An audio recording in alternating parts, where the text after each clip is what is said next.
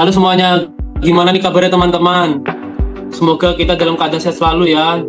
Jadi jumpa lagi dalam acara Al Sajur Talk bagian kedua dengan topik bahasan yaitu gugatan Citizen Lawsuit atas pencemaran udara di Provinsi DKI Jakarta dalam perspektif hukum lingkungan.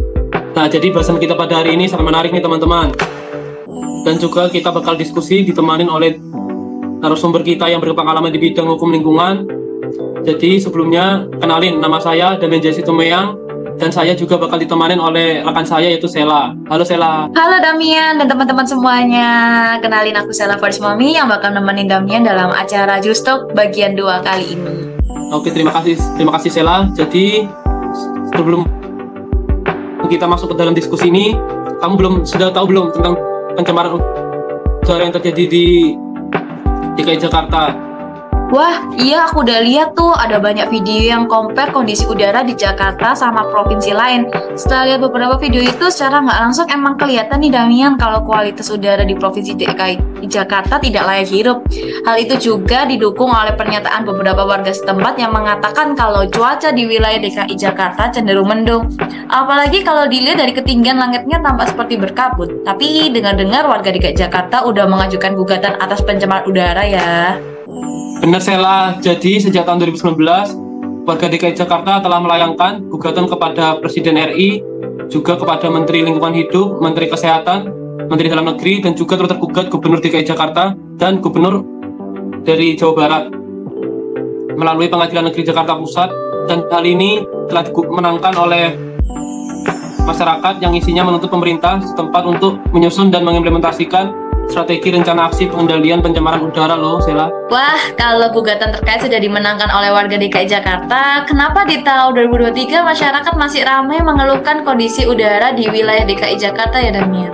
Nah, jadi kalau kita merujuk dari pemberitaan di media sosial, banyak publik yang telah menilai bahwa pemerintahan DKI Jakarta dan juga para pihak terkait belum melaksanakan hasil putusan secara maksimal Hal ini juga telah dibuktikan dengan kondisi polusi udara yang dapat kita lihat saat ini dengan mata terbuka. Kalau gitu, daripada menuntut pemerintah untuk menyusun kebijakan maupun strategi pengendalian pencemaran udara, kenapa masyarakat DKI Jakarta nggak menuntut ganti rugi aja atas kerugian yang dialami?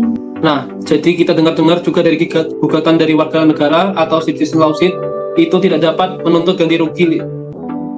Dan untuk lebih lengkapnya, mari kita diskusi langsung dengan narasumber kita yang telah berpengalaman dalam hukum lingkungan. Kamu udah tahu belum siapa beliau? Wah, aku tahu nih. Pasti dosen kita di Fakultas Hukum Universitas Jember tercinta. Nah, bener banget Sela. Jadi, beliau merupakan penulis dan juga dosen kita di Fakultas Hukum Universitas Jember.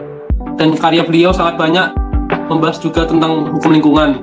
Jadi, beliau yakni adalah Dr. An Effendi SHMA yang juga selaku dosen tata negara di Fakultas Hukum Universitas Jember. Baik, langsung saja kita sapa narasumber kita terlebih dahulu. Selamat malam Bapak Aan. Alhamdulillah, semoga selalu dalam keadaan sehat walafiat ya Bapak.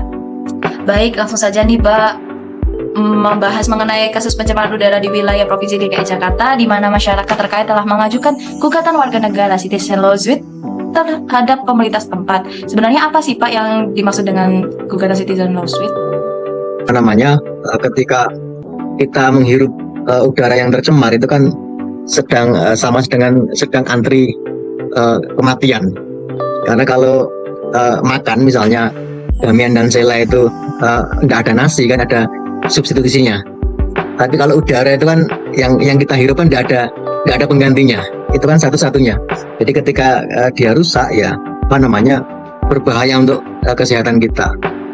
Uh, sebenarnya kalau uh, kita ikuti pemberitaan juga kan sudah ada upaya-upaya ya yang dilakukan oleh pemerintah DKI uh, meskipun upaya itu dalam konteks tidak upaya hukum. Uh, misalnya uh, kemarin kalau Sela dan Damian mengikuti uh, ada kerja dari rumah terus belajar dari rumah. Uh, terus yang agak unik lagi uh, ada pejabat di kementerian atau di pemprov DKI itu uh, mengajak masyarakat untuk sholat istisqo ya.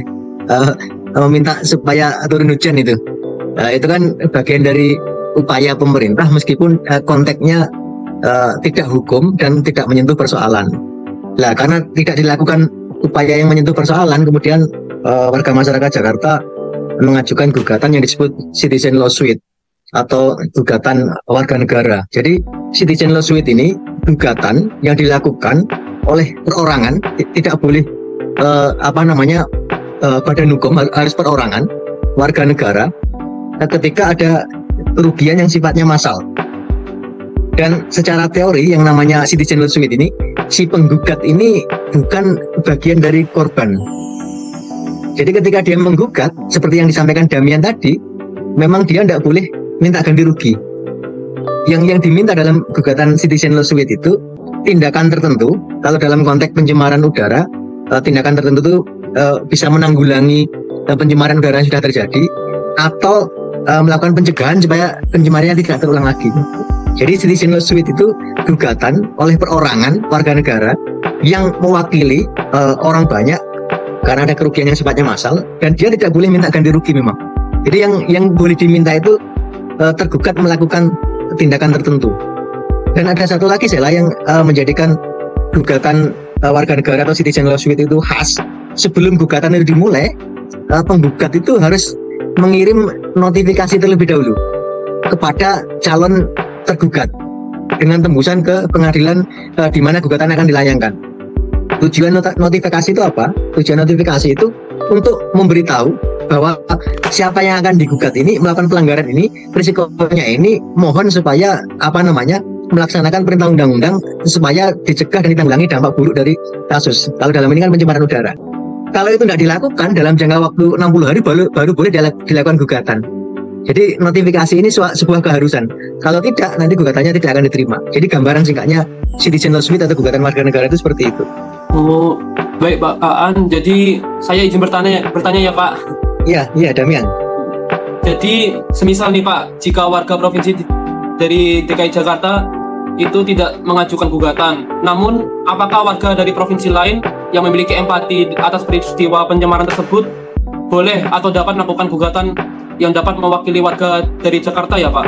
Kalau bentuknya gugatan warga negara atau citizen lawsuit itu boleh. Karena penggugatnya itu syaratnya uh, perorangan bukan badan hukum uh, dia bukan korban dan tergugatnya itu pemerintah atau swasta yang melaksanakan fungsi-fungsi publik. Kalau yang mengajukan gugatan itu bagian dari korban juga, yang dia mewakili korban yang jumlahnya banyak atau massal, maka mekanismenya beda lagi, tidak dengan citizen lawsuit atau gugatan warga negara, tapi dengan class action.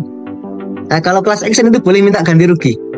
Nah, bedanya dengan citizen lawsuit itu seperti itu class action dengan citizen lawsuit itu dua mekanisme gugatan yang apa namanya sangat berbeda.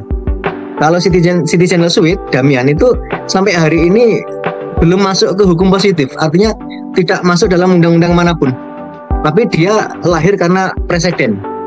Jadi ada beberapa putusan yang jumlahnya sudah banyak itu mengadili perkara citizen lawsuit, tapi sampai hari ini belum dirumuskan dalam sebuah undang-undang. Itu seperti itu Damian. Oh baik Pak An, terima kasih Pak An. Mungkin dari Sela ada tanggapan dari Sela atau pertanyaan buat Pak Aan Sela? Baik Pak Aan, terima kasih banyak atas jawabannya. Uh, lantas berkaitan dengan tindak lanjut berupa penanggulangan pencemaran udara dari pemerintah setempat yang belum maksimal Pak Aan, apakah masyarakat dapat mengajukan gugatan ganti rugi dalam bentuk material terhadap pemerintah setempat alih-alih penanggulangan pencemaran udara terkait Bapak? Ya, bisa tapi kalau pencemaran itu kan eh, korbannya kan massal, tidak satu, tapi bisa satu provinsi bahkan satu negara. Maka ketika mau mengajukan gugatan ganti rugi material, eh, bentuknya tidak dengan citizen lawsuit salah. Itu namanya dengan class action. Jadi class action itu misalnya di DKI ada pencemaran udara, ada satu atau dua orang atau lebih, dia mengajukan gugatan, tapi dia mewakili seluruh warga DKI. Nah, yang mengajukan gugatan ini namanya wakil kelas yang diwakili itu namanya anggota kelas seluruh warga DKI misalnya. Nah ini juga ada notifikasinya. Jadi kalau di gugatan kelas action itu boleh minta ganti rugi, ada notifikasi juga. Jadi di putusan sela nanti di putusan putusan sela, bukan sela putusan sela, nah, hakim itu akan memerintahkan uh, wakil kelas ini memberitahu anggota kelas bahwa ada gugatan yang mewakili kepentingan mereka. Dan itu boleh minta ganti rugi. Kenapa? Karena anggota kelas dengan uh, wakil kelas itu sama-sama pihak korban yang itu berbeda dengan citizen lawsuit atau gugatan warga negara. Jadi kalau mau minta ganti rugi jangan dengan citizen lawsuit, eh, dengan class action. Dengan class action. Oh, jadi begitu ya Pak. Jadi sebelumnya Iya, merujuk dari penjelasan yang sebelumnya ya Pak. Jadi saya mau bertanya nih Pak, seperti apa gugatan citizen lawsuit? Apa itu bedanya dengan citizen lawsuit antara citizen lawsuit, citizen lawsuit dengan gugatan perdata biasa itu seperti apa ya Pak?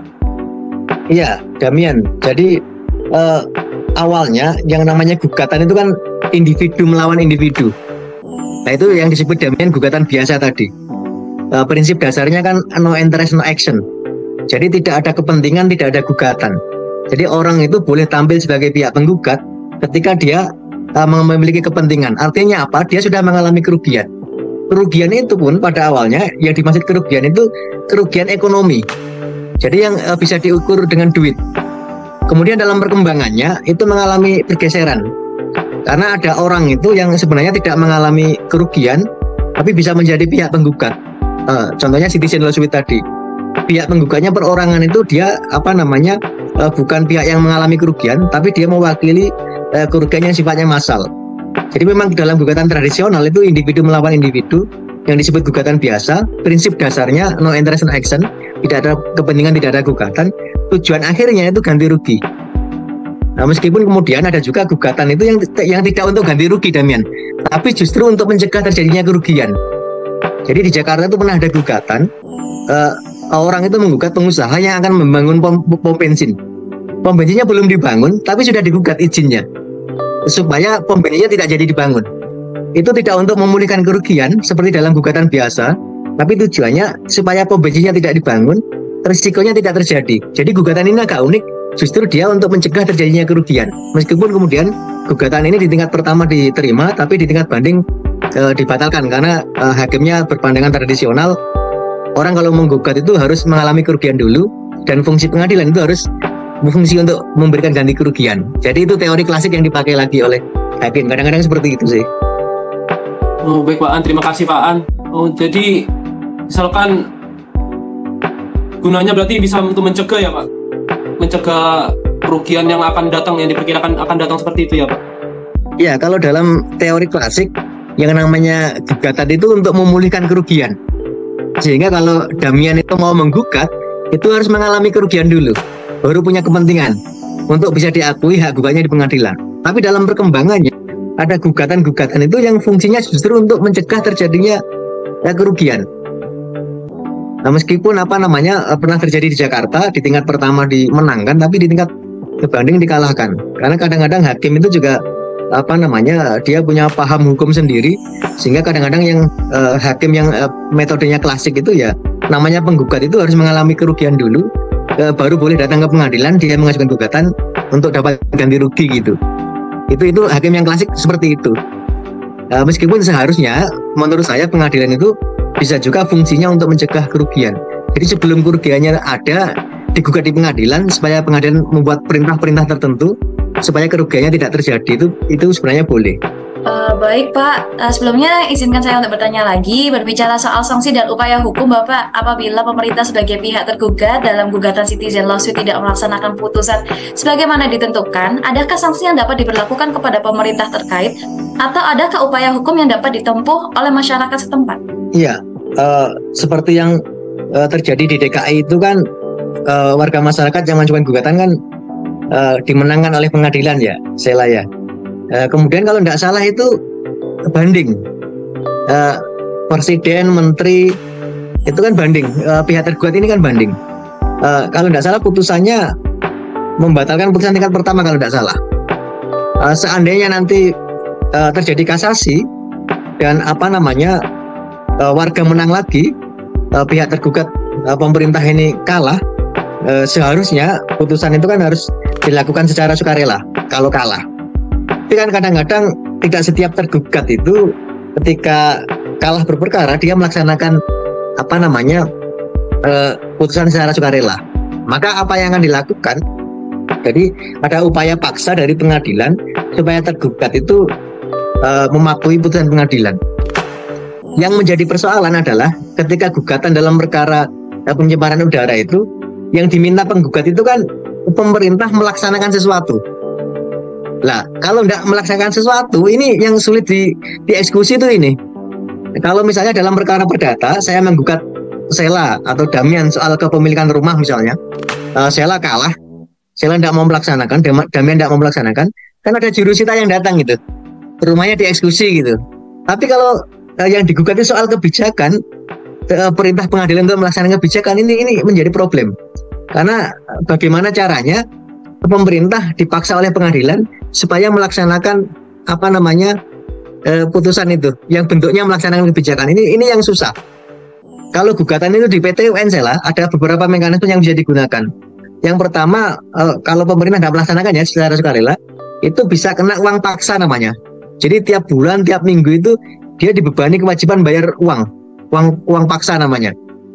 Kalau tidak dilaksanakan, uangnya akan bertambah terus. Kalau itu tidak tidak dilaksanakan juga, uh, kalau ini di PT UN ya, tapi ini tidak di PT UN yang kasus ini.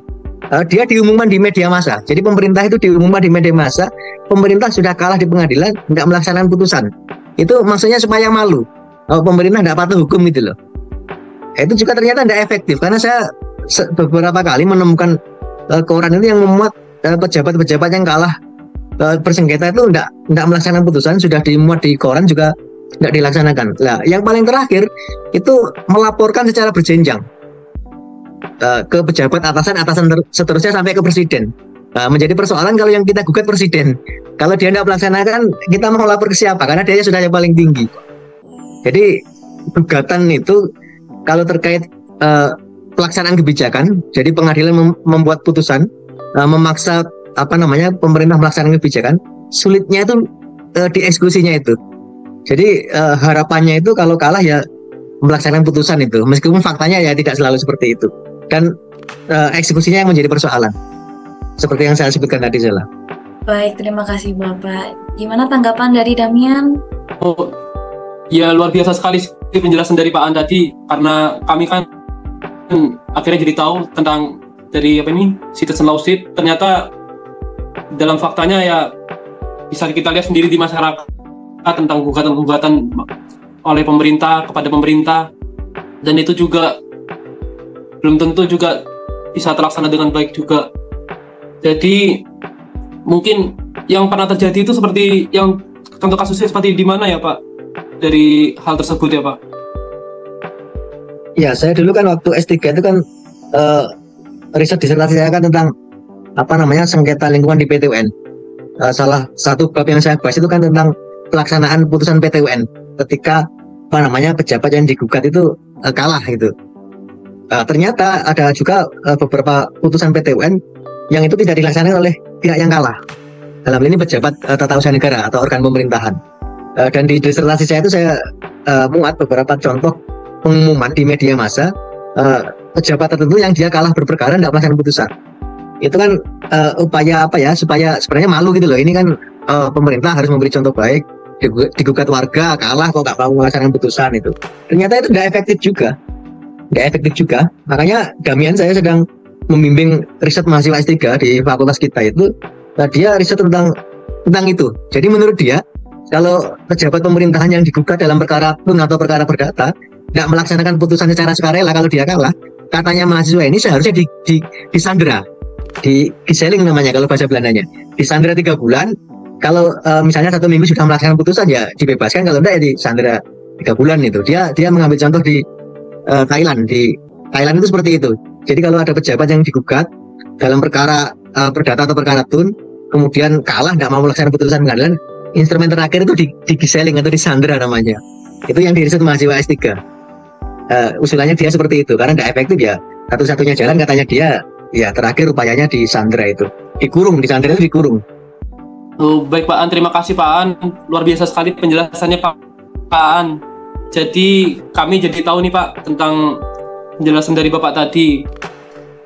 Jadi yang belum tahu tadi tentang citizen lawsuit kami akhirnya jadi tahu. Begitu gak sel? Bener banget Damian Tak terasa sudah lama kita berdiskusi dengan Pak Aan sebelum menutup agenda Alsa Juristok bagian 2 pada malam hari ini. Mungkin Pak Aan memiliki sebuah pesan yang ingin disampaikan kepada generasi muda nih Pak berkaitan dengan kasus yang kita bahas kali ini. Iya, uh, apa namanya eh, teman-teman dari Fakultas Hukum khususnya ketika uh, ada kasus-kasus yang sifatnya merugikan massal atau korbannya massal, eh, teman-teman kalau mau berpartisipasi dalam perkara itu sebenarnya bisa menggunakan satu alat yang disediakan oleh hukum yang namanya citizen lawsuit ini. Karena untuk citizen lawsuit ini penggugatnya eh, bukan pihak korban. Eh, syarat intinya eh, perorangan bukan badan hukum. Kemudian kerugiannya massal dan yang digugat itu pemerintah. Nah, dengan catatan, dengan catatan tidak boleh minta ganti rugi. Kalau mau minta ganti rugi harus dengan class action.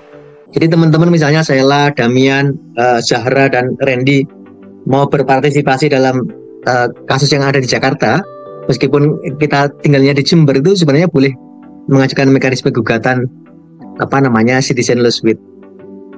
Eh, itu aja mungkin Sela. Oh, terima kasih Pak An. Nah, teman-teman, jadi diingat ya dari pesan-pesan yang telah disampaikan oleh narasumber kita dan begitu juga dosen kita yaitu Dr. An Effendi. Jadi semoga ilmu-ilmu ini jadi bermanfaat bagi kita untuk studi kita dan juga kita selalu dikelilingi hal-hal baik. Amin. Sekian agenda Alsa Juristok bagian 2 kali ini. Jangan lewatkan kesempatan kita di agenda Alsa Juristok selanjutnya. Sampai jumpa teman-teman. Enhance Seniority, Discover Potensi, Alsa, Always be one. Always Be One.